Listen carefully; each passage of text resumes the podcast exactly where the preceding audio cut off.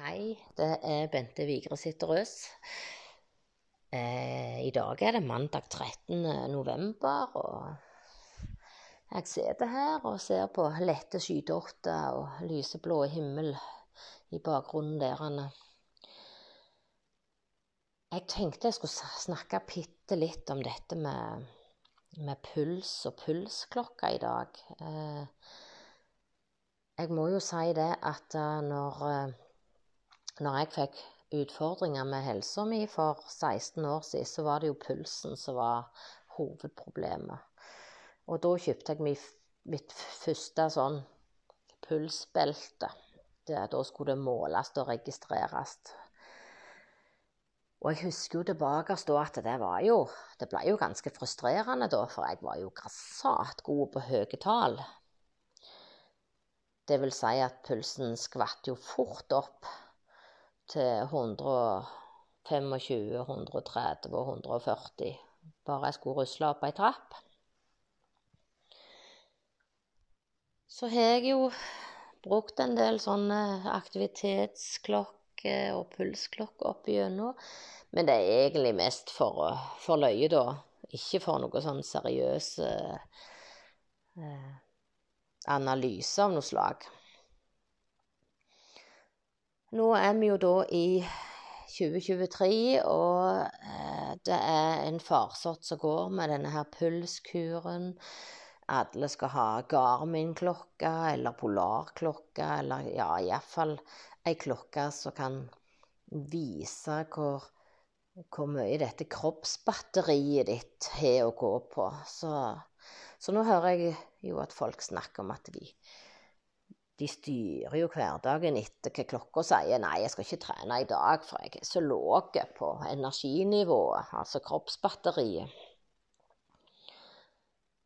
Og jeg har jo vært litt sånn at jeg har jo kun gitt på den der følelsen. 'Åh, oh, i dag har jeg litt energi, da må jeg bruke den.' Så kjører jeg på. Eh, I og med at jeg har en utfordring med energi nivået. Og det har jo de fleste som har fått diagnosen ME. Det er jo det her energitapet og produksjonen av, av energi som er problemet.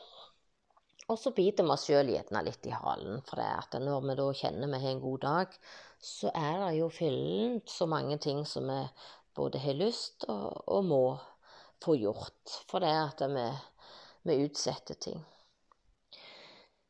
OK. Eh, jeg gikk jo på en smell da for tre-fire uker siden og kjøpte meg ei ny sånn klokke, for eh, nå var det så mye snakk om dette body battery-greiene. Så da heiv jeg meg på, og eh, fikk jo til min store overraskelse vanvittig gode skår første natta. Så jeg sov godt, og dette var jo kjempe, men etter det så har det jo omtrent bare gitt nedover, nedover, nedover. Oh, og jeg må si det at etter første uka med denne nye klokka, så var jeg megafrustrert. For hvorfor i alle dager skulle jeg da sitte og se på et tall som forteller hvor dårlig batteri jeg har, og hvor energien omtrent renner ut bare med å sitte og, og vente på, på bedre tider. Når du har lite energi, så sitter du jo mye, og da sitter du og scroller litt, du ser på TV, og du lager deg et par måltider dagen, altså venter på at familien kommer hjem. Og så er du med familien òg og slapper av, for de er slitne etter skole og, og arbeid, så ja, det skjer jo ikke så mye. Men eh, jeg var ganske så frustrert allerede på dag tre. Skal jeg pikete sitte her og se på det der tallet som bare synker og synker og synker? Det er jo ikke motiverende i hele tatt. Så gikk det et par dager til, og så hadde jeg en sånn en Åh, jeg var så sliten, men allikevel. Pulsen var kjempelåg den dagen. Han var fra 47, 48 til 52. Og jeg lå på sofaen og leste bok, og da steig body battery, gitt. Så tenkte jeg å ja, det er det jeg skal gjøre. Jeg skal bare ligge her på sofaen og puste dypt i magen og ha en sånn kjempesløv dag. Da lader seg opp. Men det er jo ikke reelt. Det er jo ikke sånn folk har det. Og så tenker jeg òg den, den sløve dagen. Det var jo etter tre dager med storm her, og, og jeg så jo på pulsklokka jeg hadde jo mye høyere puls pga. Av, av vær og uro i, i systemet. Dagene mine er nokså like, så jeg ser jo det at jeg, jeg henger det ofte på på trykkendringer og værforandringer. Kanskje temperaturforskjeller, jeg vet ikke. Det er et eller annet mystisk som skjer. Ja, så nå hadde jeg jo igjen en litt sånn eh, god uh, søvnpoeng morgen. Og hva skjedde i går? Jeg må jo tenke på hva, hva skjedde i går. Jo, jeg sov litt Nei, jeg så ikke frampå. Det var mannen som så frampå. Jeg sto tidlig opp, for jeg var vond i nakken og ringet, og sto tidlig opp.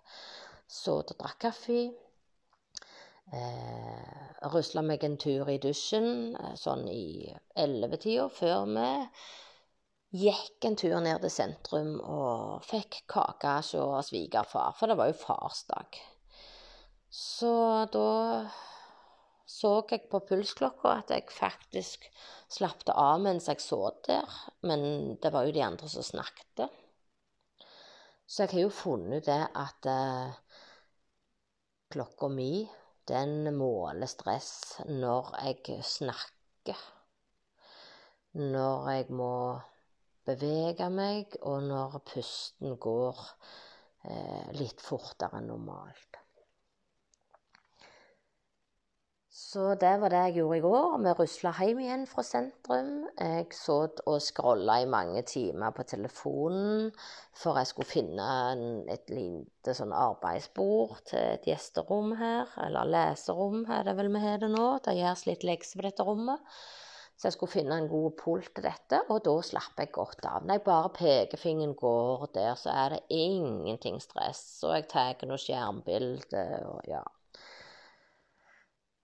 Så kom kvelden, skulle legge meg, så kjente jeg det at jeg åh, akkurat som jeg har litt betennelse i halsen. Så jeg tok en betennelsesdempende før før vi la oss.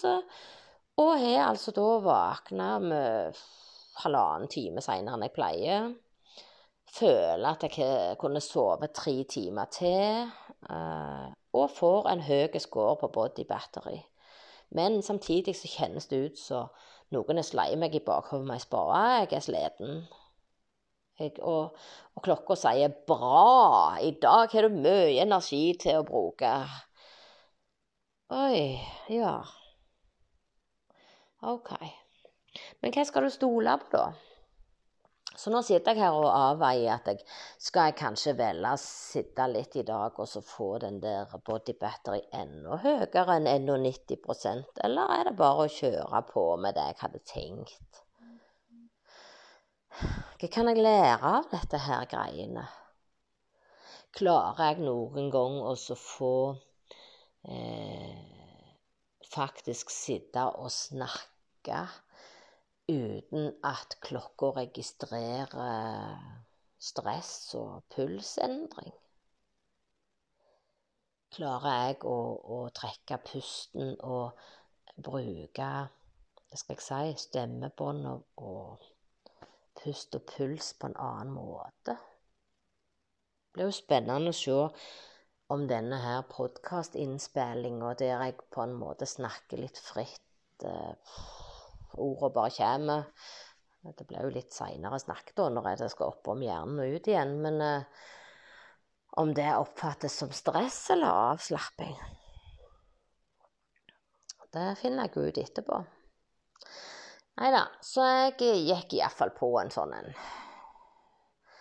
pulsklokkesmell her, og du kikker og kikker og lurer på hva, hva skal det gjøre godt for. Og så er det jo et annet aspekt der òg, og det ser jeg jo Det har jeg opplevd tidligere med ei tidligere klokke jeg hadde, og da eh, Det var sånn Fitbit-klokke, tror jeg. Og den var jo sånn når jeg hadde hjemme henne i to uker, så følte jeg at jeg fikk vondt i, under der som lyset er. Altså, så jeg skifta hånd. Jeg måtte ta pause, og så følte jeg òg at eh, etter en periode så, så viste han høyere puls.